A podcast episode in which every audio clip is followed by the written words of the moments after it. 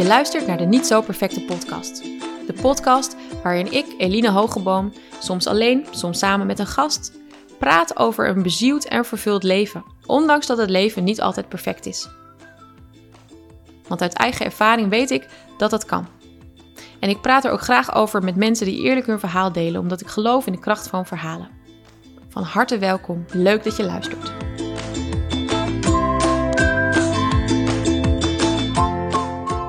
Welkom bij de Niet Zo Perfecte podcast, de laatste van het jaar 2022. Een beetje gek, want ik heb deze keer geen gast tegenover me zitten. Dat heb ik eigenlijk altijd wel. Maar ik dacht, zo de laatste aflevering van het jaar lijkt het me leuk om eens terug te blikken. Ook onder andere op een aantal lessen die ik heb geleerd van gasten uit deze podcast. Maar om ook wat andere lessen met je te delen. Als je me misschien wel volgt op Instagram, Eline Hoogboom, dan zie je dat ik echt van reflectie hou. Altijd ga ik eind van het jaar een paar dagen in mijn eentje weg om na te denken over wat heeft dit jaar me gebracht. Um, hoogtepunten, dieptepunten en de lessen die ik heb geleerd. Want het helpt mij om vervolgens weer plannen te maken voor het volgende jaar. Ik heb dit jaar ook weer een aantal lessen geleerd. Om eerlijk te zijn, misschien zijn het wel lessen die ik doorlopend leer en waar ik dit jaar weer een paar stappen in heb gezet. Misschien zou ik het beter zo kunnen omschrijven, want ja, er zijn bepaalde thema's die in mijn leven altijd wel weer terug blijven komen. Waar ik mee worstel, um, of waar ik eye-openers over ontdek, of nou wat dan ook. Dus ik dacht in deze podcast, in deze aflevering, neem ik jou daarin mee. En ik vind het ook waanzinnig leuk om van jou te horen wat van jou de lessen zijn die je hebt geleerd. Laat dat gerust weten via mailtje eline.filevie.nl of via Insta door me even een bericht te sturen. Want ik vind het heel erg tof om van elkaar de lessen te leren. Nou, laten we beginnen. 2022 was een jaar waarin het best onrustig was, om het maar even zo uit te drukken. Er was heel veel gaande. Er werd een oorlog begonnen in Oekraïne. Um, er waren heel veel meldingen, verhalen over seksueel misbruik, die, ja, waar eigenlijk bijna elke week wel de kranten van vol stonden. Van bekende mensen die van hun voetstuk vielen. Um, er was heel erg veel gaande. Um, crisis ook, uh, ja, van allerlei dingen. Energiecrisis, maar ook uh, ja, een soort dreigende crisis. Um, inflatie. Nou ja, jullie weten het allemaal heel erg goed. Politiek onrustig, veel gedoe, veel wantrouwen. Um, ik heb best om me heen gemerkt en gezien dat dat bij heel veel mensen best wel veel onrust geeft. En dat is logisch. Helemaal als het je raakt. Als bijvoorbeeld die energiebedragen je raakte. Of als je heel erg bang wordt van oorlog. En nou, daar had ik ook best, uh, vooral toen die oorlog startte, best wat last van. Um, en tegelijkertijd merkte ik ook alweer. Ja, misschien is dat omdat ik toch vaak opgeslokt word door mijn eigen leven. Of um, ja, door wat er om, zich, om mij heen zich afspeelt Um, dat ik toch niet zo heel erg die onrust uh, heb gevoeld. En um, een van de lessen, eigenlijk de mooiste les hierover, vond ik die ik heb geleerd van Martijn Buwalda. Het leven dient stug doorgeleefd te worden, zei hij. Hij zat uh, in de aflevering van 30 maart dit jaar. Leuk om nog terug te luisteren als je die niet, niet hebt geluisterd.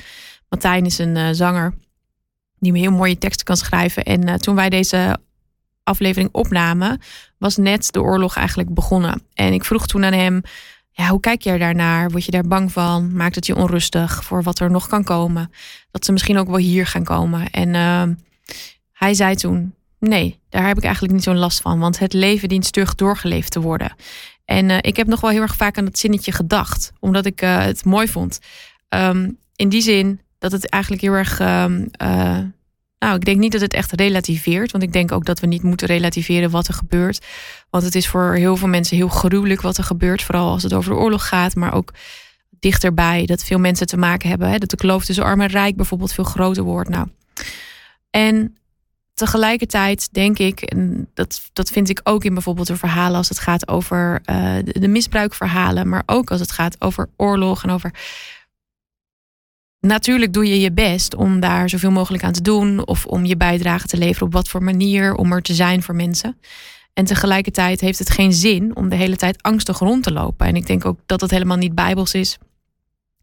Um, ik vond het dus eigenlijk een mooie zin. Het leven dient stug doorgeleefd te worden. En um, ik denk ook dat we alleen maar ons leven uh, recht doen door, um, ja, door door te leven. En niet verlamd te worden door angst.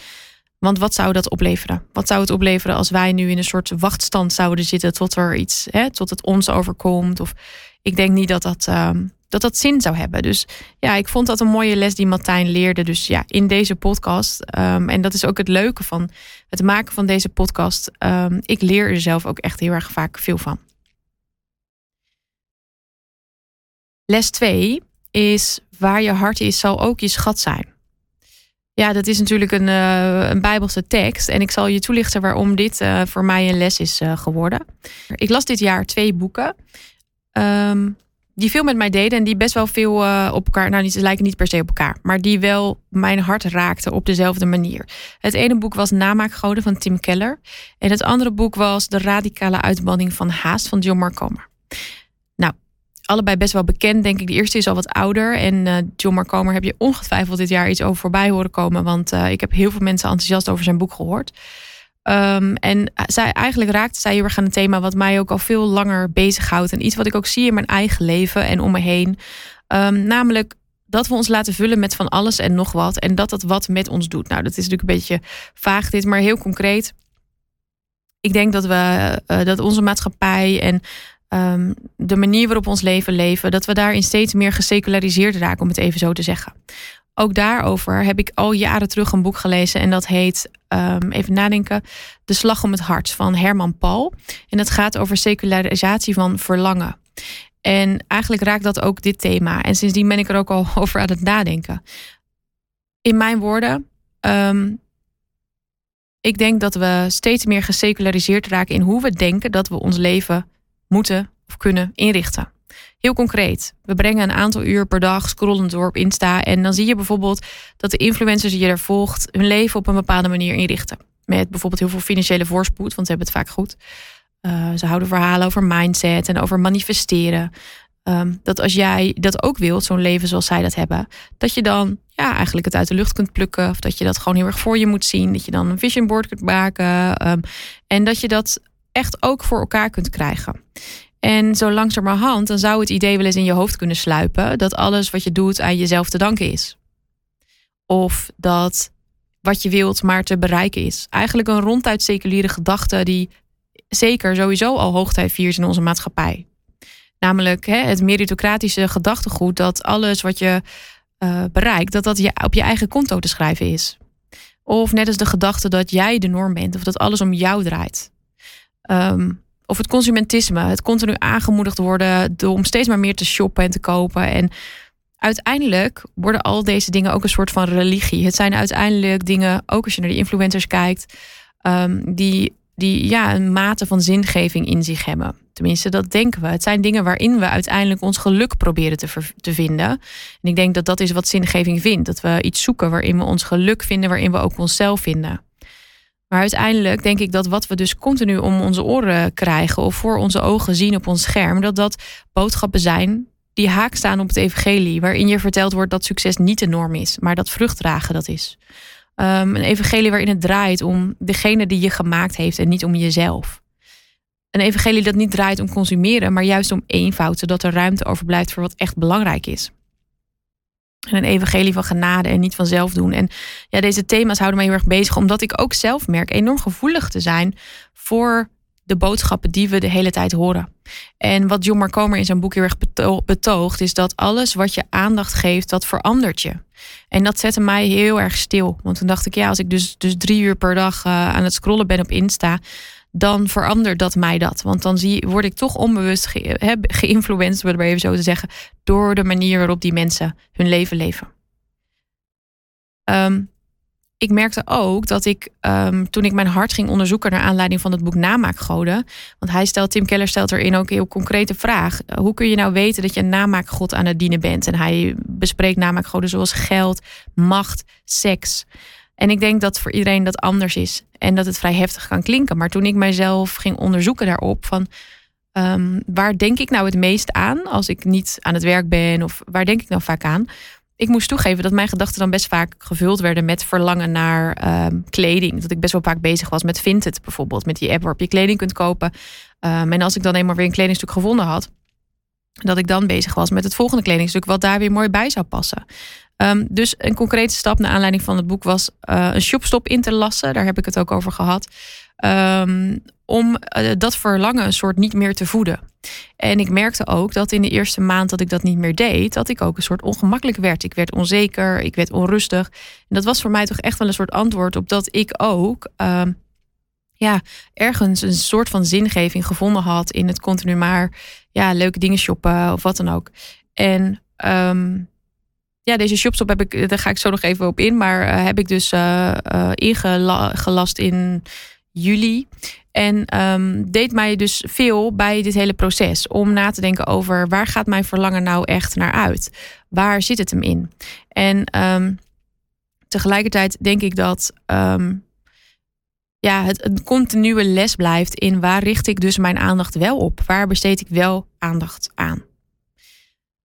Een volgende les die eigenlijk hier aan gerelateerd is, is heb oog voor het kleine en ga niet altijd voor groots. Ik was vorige week een paar dagen aan zee in Noordwijk aan zee. Um, voor mij eigenlijk een niet heel bekende plek. Ik ga eigenlijk altijd naar Egmond aan zee. Ik ben veel aan zee te vinden om daar af en toe te werken of um, een paar nachten te zijn. En ik was nu in Noordwijk aan zee beland. Maakt verder helemaal niks uit voor de boodschap die ik ga vertellen. Um, en ik maakte daar veel strandwandelingen. Het was heerlijk weer, koud, maar helder. Mooie zon. En um, ik raap dan af en toe eens een schelpje op. Want ik heb thuis een mooi schoteltje waarop ik die heb liggen. Als herinnering aan um, ja, al die mooie strandwandelingen. En uh, vooral ook momenten met God, omdat ik die aan het strand vaak heb. En de eerste schelp die ik opraapte was echt een grote, mooie, stevige schelp. Echt zo'n dikker die niet zo snel kapot gaat. En uh, nou, die stopte ik in mijn zak. En de volgende dag liep ik daar weer. En uh, ik was niet zo lekker wakker geworden. Ik merkte ook echt dat het ja, goed voor me was om even die frisse wind te voelen, maar ook om met God te praten. Ik worstelde met wat dingen in mijn hoofd en mijn lijf. En terwijl ik daar liep en ook wel echt uh, aan het huilen was, raapte ik weer een schelpje op. En deze keer pakte ik een piepklein schelpje. Echt piepklein. Nog niet, nog niet eens zo groot als, als je nagel. En dat leerde mij eigenlijk een les toen ik die twee allebei in mijn hand hield. Toen dacht ik, kijk, mijn eerste reactie of mijn eerste impuls is om voor die grote te gaan, voor dat grote, stevige. Uh, dat is ook ja, best wel iets wat symbool staat voor mijn leven. Ik ga altijd voor groot, voor veel, uh, voor veel prikkels. Voor, uh, nou, als je kijkt naar alleen de afgelopen maanden al, dan heb ik veel feestjes gevierd. Heb ik veel evenementjes gehad, georganiseerd met de vrouwen van Villevie, met nou ja, eh, je kunt het uh, zo gek niet verzinnen of ik doe het wel. Want ik hou ook van organiseren. Ik hou van dingen met mensen doen. Maar zo nu en dan is dat best wel heel erg veel. Um, ik hou ook van groots denken, van hoe ik mijn doelen maak. Of um, nou, ik, ik denk altijd in mogelijkheden. Maar dat kleine, en dat kwetsbare misschien ook ergens wel, of dat breekbare, ja, daar ga ik wel eens aan voorbij. Dat vind ik misschien niet altijd even interessant. Of um, ik vind het misschien ook al ken ik de kracht van kwetsbaarheid, toch in mijn eigen leven nog steeds best spannend om echt dat kwetsbare te tonen. En um, misschien kennen jullie Tess, Tess Warren wel. Ik heb, uh, ben fan van haar sinds ik haar boek Liturgie van het Alledaags heb gelezen. En zij zegt hier iets prachtigs over, wat eigenlijk helemaal zegt wat, ja, waar ik mee aan het zoeken ben naar het grootste, kleine. Hoe doe je dat nou? Zij zegt dit. Christelijk discipelschap is een levenslange training in hoe je aandacht kunt geven aan de juiste dingen. Hoe je kunt ontdekken dat God werkt in ons leven en in de wereld. Dat kan alleen door langdurige oefening. Je moet leren om jezelf niet blind te staren op afleiding, angsten, drukte en ikgerichtheid. Als je leert om daar vrijer in te leven, dan kun je je meer richten op God, op wat Hij doet. Zo leren we kijken naar stilte, verstilling en aandachtigheid. Die zijn schaars in een wereld die steeds lawaaiiger wordt, steeds digitaler, steeds nerveuzer. En het mooie was, ik liep daar op het strand en ik zette toen een podcast aan, uh, Moderne Profeten, met Kees van Eenkris, die ook in deze podcast heeft gezeten. En die aflevering ging over Tis Warren en uh, hierin kwam dit citaat naar voren. En ik moest hard huilen um, van herkenning, van erkenning ook, omdat dit het verhaal is van zoveel mensen, misschien ook wel van jou. Um, ook de reden waarom ik altijd heel erg van Henry Nouwen hou. Omdat hij ook altijd in al zijn wijsheid, maar toch ook zo laat zien dat eigenlijk zijn hele leven hij op zoek was naar erkenning, naar um, ja, manier om om te gaan met zijn eenzaamheid. Um, en ik vind dus het mooie in het citaat hiervan van Tis Warren dat er staat: het is een levenslange training in hoe je aandacht kunt geven aan de juiste dingen. En dit raakt dus ook aan wat ik net vertelde over die secularisatie van het hart, van ons verlangen. Dat Um, misschien merk jij dat ook wel, maar dat je verlangen misschien veel meer gericht is op dagelijkse dingen, op um, welvaart of op succes naar maatschappelijke maatstaven, in plaats van dat het gericht is op het verlangen naar omgaan met Jezus of het verlangen er voor anderen te zijn. Um, en ik denk dus dat het ontzettend goed is om jezelf daarop te bevragen. Waar gaat mijn hart nou echt naar uit? En ehm, ehm, in, ook in de podcast van, uh, van Moderne Profeten over Tisworn, um, dat raakte mij heel erg, kwam het zinnetje naar voren dat iemand tegen haar zei, jouw gebedsleven is niet, even in mijn woorden, maar is niet groot genoeg voor de grootte van jouw roeping. En dat ging er niet zozeer om dat ze langer moest bidden, maar wel dat ze eigenlijk weinig tijd maakte om te ontvangen, om ook te luisteren. Nou, dat herken ik ook.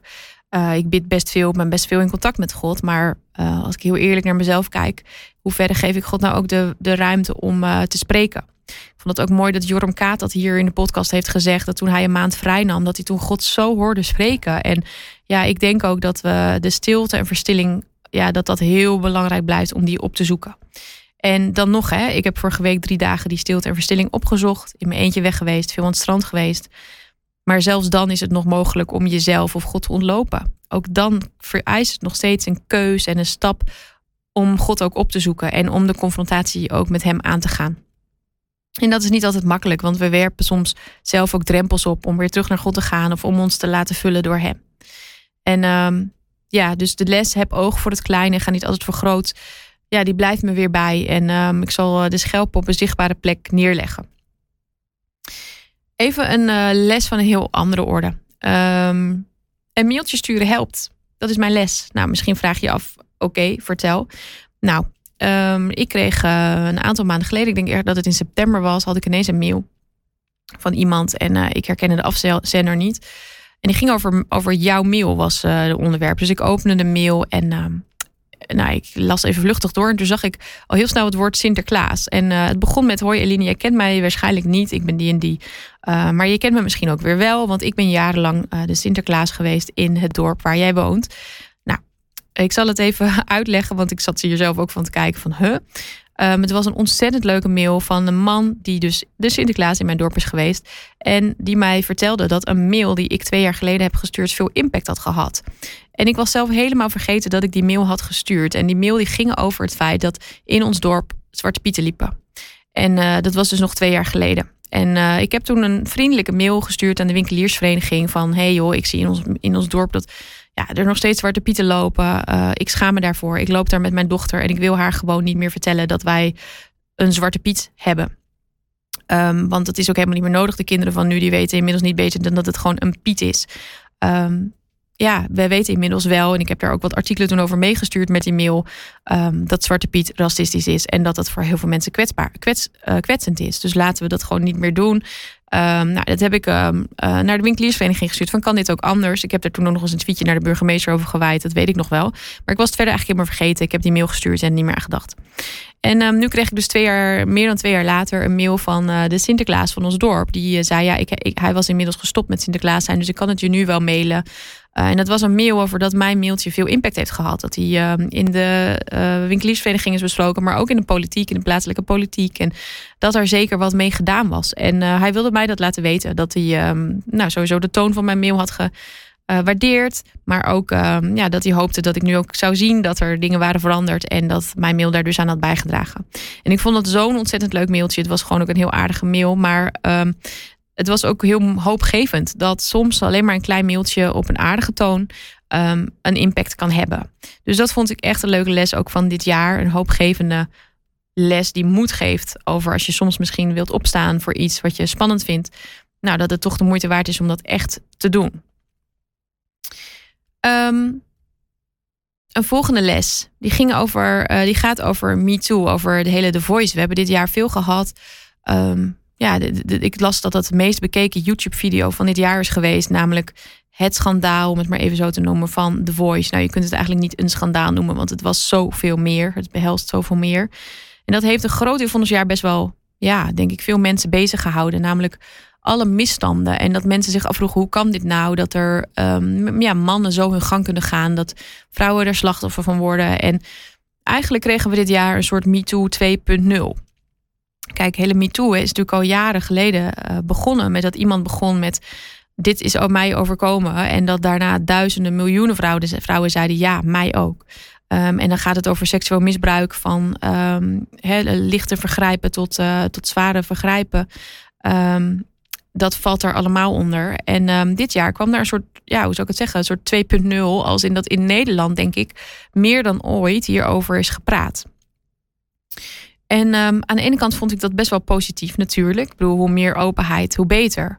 Veel, veel vrouwen deelden hun verhaal. Wij, uh, wij lezen elke zaterdag de Volkskrant. Nou, ontelbare keren hebben daar verhalen van sterke vrouwen in gestaan. Die zeiden, ja, um, ik heb daar ook mee te maken gehad. En op een gegeven moment, ja, als je zeg maar... Je kunt denk ik niet meer verbaasd zijn over het feit... Um, dat dit gebeurt. Dat, dat is inmiddels denk ik gemeengoed. Ik heb dit jaar wel een vriendin gehad die zei ja, voor mij zijn wel echt mijn ogen open gegaan. Ze zei, ik vond jou wel eens een beetje daarin. Um, wat, ja, hoe zei ze dat? Ik vond jou wel eens daarin een beetje pessimistisch of zo. Um, ik heb zelf een verhaal van misbruik, dat heb ik wel eens eerder gedeeld. Maar ook andere negatieve ervaringen. En ik wist dat ik daar niet de enige was. Want omdat ik er zelf open over ben, heb ik altijd veel verhalen van andere vrouwen gehoord. Dus ook met mijn vriendinnen daar altijd veel over gesproken. en zij zei, ja, ik vond jou daar wel eens ik dacht, is het nou echt zoveel? En ze zei, ja, dit jaar zijn mijn ogen wel echt open gegaan. Dat het inderdaad echt veel is. En ook dat je geen pijl op kunt trekken op wat voor soort man hè, dit doet. Of uh, ja, daar was zij ook echt, dat had haar ook wat gedaan. Dat had haar teleurgesteld. En om eerlijk te zijn, bij elk verhaal wat ik hoor, raak ik ook nog teleurgesteld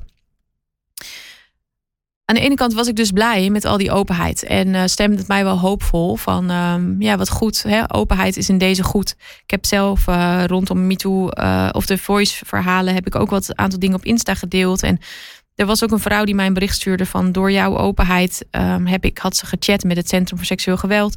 En ze zei, heb ik eigenlijk ook nu pas woorden gegeven aan een ervaring die ik heb gehad... Um, ja, dat het eigenlijk ook echt seksueel geweld was. Dat heb ik nooit zo aan mezelf toegegeven. En dat is wat openheid kan doen. En daar geloof ik in. En ik denk dat het belangrijk is. Tegelijkertijd vond ik dat het dit jaar ook wel heel erg veel bleef bij de slachtofferverhalen. En dacht ik, wat zou het ook mooi zijn als we misschien in 2023 wat meer gaan delen ook over uh, overleversverhalen, om het maar zo te zeggen. Um, begrijp me niet verkeerd. Ik denk dat het heel belangrijk is dat de verhalen van slachtoffers gedeeld worden. Tegelijkertijd ben ik wel eens bang dat het een bepaalde moeheid geeft bij mensen die dat blijven lezen. Um, en denk ik dat het één heel erg belangrijk is dat we verhalen gaan lezen van mannen. Um, ik vond het heel erg mooi. Bijvoorbeeld vond ik echt een hoogtepuntje dit jaar dat Frans, ik weet even zijn achternaam niet meer, van Cela, Frans Korpershoek heet hij geloof ik. Van Cela had een mooie eh, reactie eh, in het Nederlands Dagblad hierover, waarin hij zichzelf ook als man een beetje onder de loep legde. En nou, dat vond ik een heel positieve uitzondering op heel veel verhalen die we hebben gehoord. Ik denk dat het uh, heel erg mooi zou zijn als meer mannen ook uh, ja, met elkaar sowieso in gesprek zouden gaan hierover. Uh, bijvoorbeeld mijn eigen man vroeg ook uh, rondom die affaire aan mij van... hey, moet ik hierover met mijn personeel ook in gesprek? Of ik, ik merkte dat het echt wel wat losmaakte en dat vond ik mooi. Um, want het geeft denk ik een soort bewustwording. Ik denk dat het ook tof zou zijn als we dat zouden doorzetten. Dus als mannen meer openheid zouden geven over waar ze mee worstelen. Uh, waarom dat ingewikkeld is. Als we misschien ook wat realistischer gaan denken over macht. Um, dat het gewoon niet heel erg goed voor je is om, uh, om, om, om in je eentje of met een groep de macht te hebben. Dat weten we denk ik inmiddels allemaal wel. Um, en dat we mensen sowieso niet op een voetstuk moeten plaatsen. En ik denk ook dat dat uh, ook in de christelijke wereld echt een les is. Dat moeten we niet doen. Dat moeten we niet doen met voorgangers, uh, maar sowieso met niemand. Want uh, ja, het is heel moeilijk om op een voetstuk te staan. Ehm, en ehm, mensen kunnen daar alleen maar vanaf vallen. Dus ik denk ook dat het aan ons is, aan het publiek, om het zo maar te zeggen, om mensen ook niet ja, zo op een voetstuk te zetten en ze ook niet de macht toe te bedelen die, uh, die voor niemand gezond is. En um, het tweede is dus dat ik, dat ik het tof zou vinden om ook meer verhalen te lezen van, van vrouwen, maar ook mannen die misbruik hebben meegemaakt, maar die daar ook hoopvolle verhalen over kunnen vertellen. Over dat het nou zeker nooit een mooie ervaring is, laten we daar duidelijk over zijn. Maar ik geloof ook dat er leven is na seksueel misbruik. Dat er, um, uh, ja, hoe zou ik het zeggen, dat er genezing mogelijk is, dat er leven met mogelijk is. En um, zeker niet dat het een, een halleluja verhaal is. Want ook als ik naar mijn eigen leven kijk, dan blijven er altijd wonden. Dan blijf je altijd valkuilen overhouden aan het feit dat er in je zelfvertrouwen uh, zeker iets is gedaan in je zelfbeeld. Daar heb je dan je rest van je leven zeker mee te leven. Um, dat in sommige fases van je leven het weer ingewikkeld wordt of kwetsbaar, omdat dingen eraan raken. Um, dus zeker geen, geen halleluja verhaal. En tegelijkertijd geloof ik dat er ook met seksueel misbruik um, te leven valt. En dat misschien dat juist als je daarna een mooie relatie mag hebben, dat je daarin ook Gods genade echt mag zien. Omdat je misschien wel nooit voor mogelijk had gehouden dat je nog een gezonde relatie met een man bijvoorbeeld aan kon gaan. Um, als ik naar mijn eigen leven kijk, zie ik daarin heel erg Gods genade bijvoorbeeld. Dus um, ja, enerzijds vond ik het heel erg positief, al die openheid. En anderzijds hoop ik dus ontzettend dat we in 2023 doorgaan met verhalen vertellen. Maar ja, dat we dat ehm, misschien dus op deze manier kunnen doen. Ik weet even niet zo goed wat ik nu dit als in één zinnetje de les hieruit moet noemen. Maar ik wilde toch ja, over dit onderwerp hebben. Want um, het is een groot onderdeel van dit jaar geweest. En um, ja, ik wil je ook aanmoedigen van stel dat je hiermee te maken hebt. Of uh, je hebt je verhaal nog nooit gedeeld of je loopt ermee. Ja, deel het dan alsjeblieft. En het Centrum voor Seksueel Geweld is echt een aanrader om daar eens te kijken. Daar kun je ook chatten. Uh, ze bieden allerlei informatie hierover. Um, ik vind het ook, uh, dat vind ik ook nog wel mooi om te zeggen hierover, dat het uh, ook zo goed is. Er is toen veel te doen geweest over dat er allemaal zinnen op Insta rondgingen van um, dat we onze zonen moesten opvoeden. Um, nou, dat, daar vond ik ook wel wat van, want ik denk niet dat het één per se aan opvoeding alleen ligt. Over hoe mensen later worden. Helemaal niets misschien wel. Maar ik denk dat het belangrijk is dat we jongens en meiden opvoeden. En dat het heel erg gaat over uh, weerbaar maken. Maar vooral ook over respectvol met elkaar omgaan. En vooral open zijn. En ik merk dat dat bij veel ouders nog best spannend gevonden wordt. Over ja, open zijn, over seks, over alles eigenlijk wat rondom dit thema speelt. En dat dit al iets is wat je van jongs af aan kunt doen. Nou, misschien leuk om vast even te zeggen, maar naar aanleiding van het The Voice verhaal en alle gesprekken die erover op gang kwamen, heb ik samen met een illustrator en mijn uitgever benaderd van we zouden wel heel graag voor kinderen hierover een boek willen maken. Echt voor jonge kinderen. Die heb ik zelf nog en die heeft de illustrator ook. Waarmee je op een goede manier dat gesprek aan kunt gaan. En um, dat boek gaat komend jaar verschijnen ergens in het voorjaar. Uh, het is heel erg leuk, dat hebben we afgelopen jaar geschreven. Omdat ik echt ook wil bijdragen aan dat gesprek voeren met je kinderen. Om dus echt uh, te hebben over um, ja, hoe geef je woorden aan dingen? Hoe kun je nee zeggen? Um, hoe ga je met elkaar om? En ik denk dat we daarin um, dat het goed is dat we onze zonen en dochters ja, zo opvoeden dat ze respectvol met elkaar omgaan. ja, en dat we daar eerlijk en open over, uh, over durven zijn. Even kijken. De volgende les. Dat is meteen ook uh, de laatste. Ik heb natuurlijk eigenlijk nog best wel echt veel. Nee, dat zijn er nog twee. Ik heb best veel lessen geleerd. Het is natuurlijk nooit alles. Ik heb een beetje een selectie gemaakt. Um, een belangrijke les die, uh, die ik ook uit deze podcast heb meegenomen. Dat was de podcast met Paul Schenderling. En die ging over duurzaamheid. En hij is econoom. En dat is de les: denk een maand na over je aankopen. Nou, zoals je wist, ik heb dit jaar dus al een shopstop ingelast voor kleding. Um, maar dan nog, dan zijn er genoeg dingen waar je ja, aankopen die je kunt doen, om het maar even zo te zeggen. En um, Paul deelde in die podcast twee lessen, namelijk als je iets koopt, koop het dan zo duurzaam mogelijk. En de andere les was denk een maand na over je aankopen. En ik vond het een hele leuke praktische les. Die uh, Johannes, mijn man, luistert ook altijd naar deze podcast. En uh, hij vond het ook een leuke. Dus wij hebben dat in ons huishouden uh, na die podcast ook echt nog wat meer geïntegreerd. Nou is hij sowieso al geen koper, Johannes. Maar uh, als wij nu een grote aankoop doen, dan hebben we daar eerst samen wat meer over. Dat vond ik een leuke. Dus als je die podcastaflevering nog niet hebt teruggeluisterd, luister die ook nog echt even terug met Paul. Want dat was een aanrader. Um, kijk, ik kocht mijn kleding altijd al tweedehands al jaren. Um, ik was echt, vooral mijn studententijd bijvoorbeeld, een enorme Zara-shopper. Ik ging daar graag heen. ik vond het een geweldige winkel. Um, tot ik op een gegeven moment uh, uh, een, sponsor, een kind ging sponsoren. En iemand is tegen mij zei: Kun je het maken dat je een kind sponsort en dat je vervolgens kleding koopt die misschien wel door zo'n kind gemaakt wordt? En dat kwam bij mij heel erg binnen. En um, sindsdien ben ik ja, best abrupt ben ik toen gestopt met uh, sowieso kopen bij de Zara. Omdat we er echt wel van weten dat daar uh, dat dat in fabrieken gemaakt wordt waar mensen onder slechte omstandigheden leven. Maar eigenlijk ben ik toen gestopt met bijna alles nieuw kopen. Ik denk dat ik nu mm, zeker 80% tweedehands koop. En dat wisselt. Het ene jaar is het meer of minder. Maar ook tweedehands kun je nog best veel kopen. En um, nou ja, goed, dat heb ik natuurlijk aan het begin al gezegd. Dat mijn verlangens van mijn hart daar dan nog wel eens over gingen. Dus uh, uh, die podcast met Paul zette mij ook echt ja, weer even aan het denken hierover. Over uh, ja, hoe ga ik daarmee om? Dus ik heb een shopstop gedaan. Maar we zijn ook wat meer ja, hierover nog gaan nadenken. Dus denk een maand na over je aankopen is een mooie les geweest.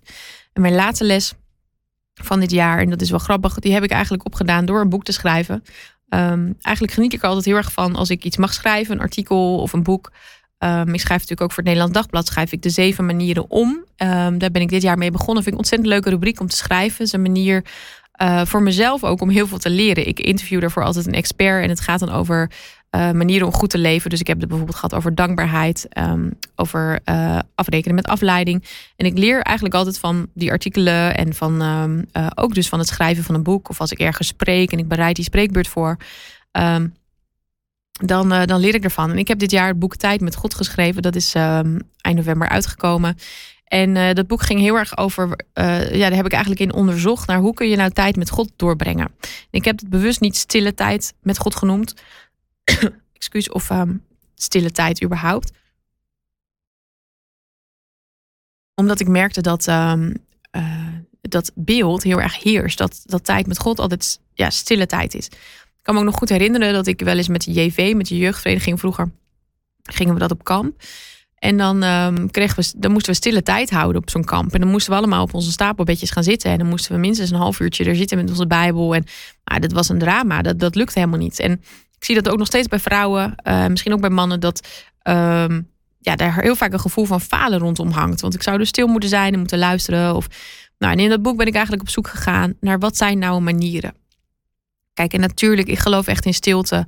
En uh, daar hebben we het net ook al even over gehad. Maar uh, in stilte, in aandachtig leven, in aandacht voor het kleine. Uh, ik merk ook op het moment dat ik God probeer de ruimte te geven om tot me te spreken, dat ik dan ook vaak ineens allemaal dingen tegenkom. Maar ik merk ook dat als ik met een bepaald thema bezig ben, dat ik dan ook rondom dat thema vaak allemaal aanwijzingen tegenkom. Zo kreeg ik een hele tijd terug, al een paar maanden terug, van een vriendin een meditatie doorgestuurd. Uh, die ging heel erg over een boom. Nou, dat klinkt nu een beetje vaag, maar het was een meditatie over uh, waarin je dan een soort iets moest herhalen als ik ben stevig en sterk als een boom.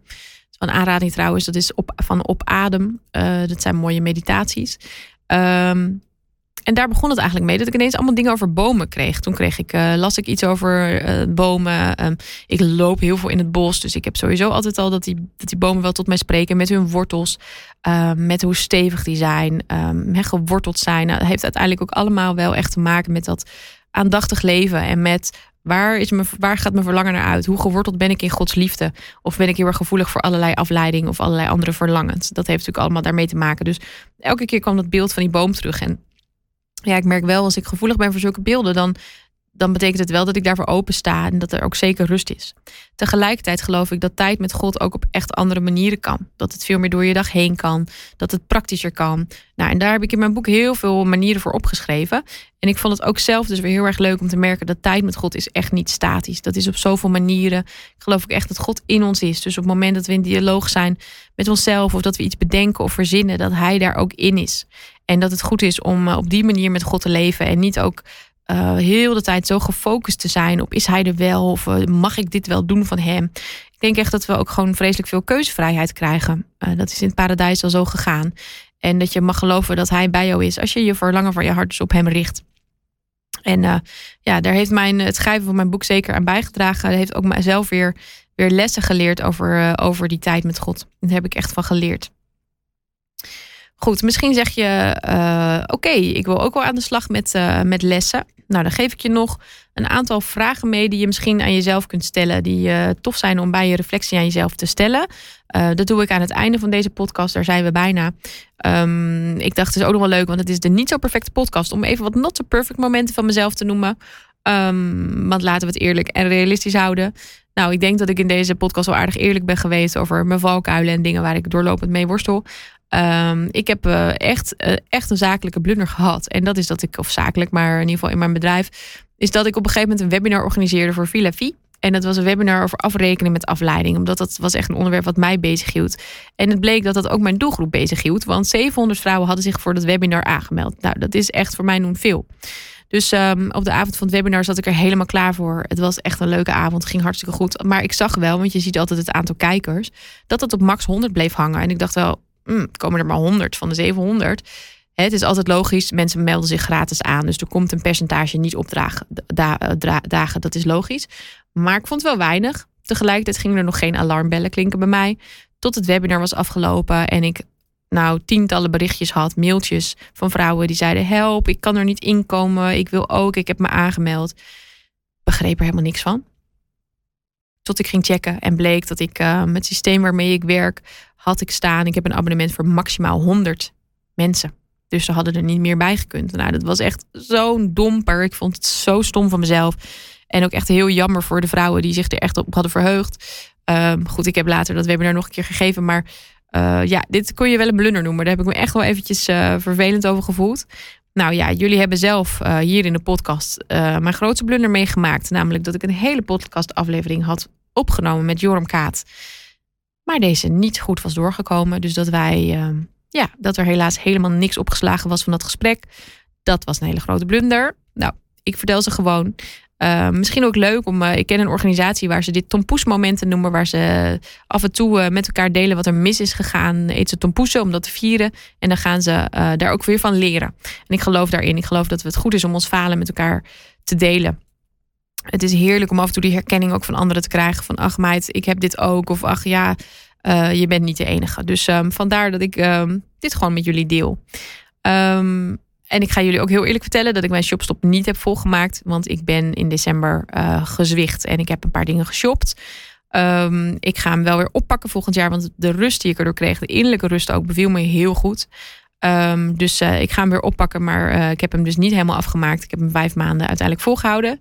Um, en ik ben ook dit jaar weer in een aantal zelfde valkuilen gestapt waar ik vaker in stap. En tegelijkertijd zie ik dat ook in het licht van het oefenen in discipelschap en in het oefenen van waar geef je je aandacht aan. En dat dat dus een continu proces eigenlijk is. En uh, ik vind het ook goed en ik denk ook dat dat uh, meteen een boodschap is die ik jou wil meegeven als je gaat reflecteren. Dat je met een beetje genade of heel veel genade uh, naar jezelf mag kijken. Dus op het moment dat je weer in valkuilen bent gestapt, dat je daar genadig naar jezelf kijkt, dat je je daar niet voor hoeft te schamen, maar dat het onderdeel is van het proces van het leven, leven met God. En dat je continu aan het zoeken bent naar waar geef ik mijn aandacht aan. En dat er ook om jouw aandacht gevochten wordt. En dat het dus niet raar is als je die aandacht zo af en toe eens verloren bent of aan dingen gegeven hebt ja, waar je het liever niet aan had gegeven. Ik wil je dan wel aanmoedigen om dus even terug te kijken op dit jaar en te denken van hé, hey, Waar is mijn verlangen het meest naar uitgegaan? Waar heb ik mijn aandacht aan gegeven? Waar ben ik het meest blij van geworden? Wat waren mijn dieptepunten? Ik zie bijvoorbeeld altijd als ik opschrijf waar ben ik het meest blij geworden, dat er heel veel privé-momenten bij zitten. Met mijn gezin, met mijn kinderen, met mijn man, met mijn vriendinnen. Um, uh, sowieso dingen met mensen altijd. Um, de grap is dat mijn werk heel veel computerwerk is. Dus ik zit bijna altijd op mijn werkdag heel veel achter mijn computer. Dus dat zet mij dan weer even aan het denken van doe ik het juiste? Want als ik zo blij word en energie krijg van mensen dingen met mensen doen. Maar ik zit heel veel achter een computer. Gaat dat dan goed? Snap je? Dus reflectie helpt je om echt weer even goed te kijken naar... ja, doe ik waar ik goed in ben, waar ik ook energie van krijg. Dus een aantal vragen die je jezelf zou kunnen stellen... is een hele open bijvoorbeeld. Wat zou jij doen met 100 miljoen? Stel je zou 100 miljoen krijgen. Wat zou je dan veranderen aan je leven? Het zou ook kunnen dat je antwoord is... nou, ik zou het eigenlijk wel zo houden. Dat betekent dat je op de goede weg bent. Maar als jij dus alle vrijheid zou hebben en niks meer voor de financiën zou doen, wat zou dan het leven zijn dat je zou leiden? En wat zegt dat jou dan? Ik kwam eigenlijk toen ik deze vraag beantwoordde tot de conclusie dat ik niet zoveel zou veranderen. Dat ik eigenlijk um, heel veel energie krijg van de meeste dingen die ik doe. Um, maar dat een beetje meer rust best wel lekker zou zijn. Ik zou trouwens ook een huisje aan zee kopen. Een andere mooie vraag om jezelf te stellen is: waar heeft God je dit jaar op gewezen? Welke woorden of misschien wel lessen bleven terugkomen? Kun je daar voor jezelf eens uh, naar kijken? Wat mij hier heel erg bij helpt, is om terug te bladeren in mijn journal. Ik schrijf best wel veel. Vaak ochtends, dan schrijf ik gewoon even hoe het gaat, waar ik mee bezig ben, wat me bezighoudt. Um, dingen die tot me hebben gesproken. Dus bijvoorbeeld dat soort lessen aan zee, uh, metaforen. Ik schrijf het allemaal op. En als je dan kunt terugbladeren aan het eind van het jaar, dan geeft je dat echt best wel een mooi beeld over ja, wat God heeft gedaan in je leven. En een andere, nou misschien voor jou simpele vraag, maar altijd een goede vraag om jezelf te stellen is: waar kreeg je energie van? Als je nu terugdenkt aan de vijf dingen afgelopen jaar die het meest energie hebben gegeven, waar je nu gewoon snel aan terugdenkt, die je gelukkig maakten, wat ze waren dat dan? En gaf dat je een gevoel van vervulling? Reflecteren is goed voor je. Reflecteren zorgt ervoor dat je doet waar je goed in bent. Dat je dicht bij jezelf leeft. En hopelijk ook dicht bij God leeft. Dat je niet als een kip zonder kop leeft, leeft. En je aandacht naar van alles laat gaan. Maar dat je je echt richt op wat goed is. En tegelijkertijd relativeer ik ook altijd. Um, ik weet hè, dat het kan elk moment afgelopen zijn. Om het maar even zo te zeggen. Iemand kan ziek worden. Je kunt zelf ziek worden. Um, en ik denk dus dat het een ongelooflijk belangrijke les is om ook in het hier en nu te leven. En om niet voortdurend met morgen bezig te zijn. Dat blijft ook voor mij zeker een um, oefening. En ik denk dat dat heel goed en belangrijk is om te doen. Om je ook bewust te zijn van het feit dat, ja, dat alles wat je krijgt, dat het genade is. En dat je daar op dit moment van mag genieten. Ehm, en niet vanuit een angst denken dat het over kan zijn, maar wel weten dat het zo kan zijn. En ehm, ja, heb dan duidelijk waar ligt dan je prioriteit? Waar wil je dan zijn? Waar wil je dan helemaal zijn? In plaats van dat jij er misschien maar met een stukje bent. Want we zijn zo vaak ergens anders, terwijl we eigenlijk hier zouden moeten zijn. Je bent bij je kinderen, maar je zit met je hoofd eigenlijk daar. Je hebt um, een avond met je vriendinnen, maar je bent eigenlijk daar. Ik denk dat het echt heel goed kan zijn, of een mooi voornemen kan zijn voor 2023, om te zeggen: laat ik wat meer in het hier en nu zijn. Laat ik wat meer er helemaal zijn. Lieve luisteraar, ik wil jou een hele mooie afsluiting van dit jaar wensen. Ik wil je alle goeds alvast voor 2023 wensen. En ik wil je ook heel erg bedanken, want um, ik heb er veel plezier in om deze podcast te maken. Um, ik doe het echt voor mijn lol. Ik verdien er niks aan. Ik vind het tof om te doen. Ik leer er zelf van, zoals je hebt gehoord. maar ik vind het ook onwijs leuk om te weten dat er dus ja, mensen zijn die dit aanzetten, die dit luisteren. Um, dat geeft mij veel energie om het zo te zeggen. Dus dank je wel daarvoor. Echt heel erg leuk dat jij hebt geluisterd. Laat me ook echt weten wat jij hebt opgestoken dit jaar van de Niet Zo Perfecte podcast. Vind ik leuk. En als je iets terug wil doen, zoals aan het eind van het jaar, je weet het niet, um, dat zou tof zijn. Dan help je me enorm door deze podcast een duimpje te geven of door te gaan volgen. En ook bijvoorbeeld eens door te sturen aan je vrienden.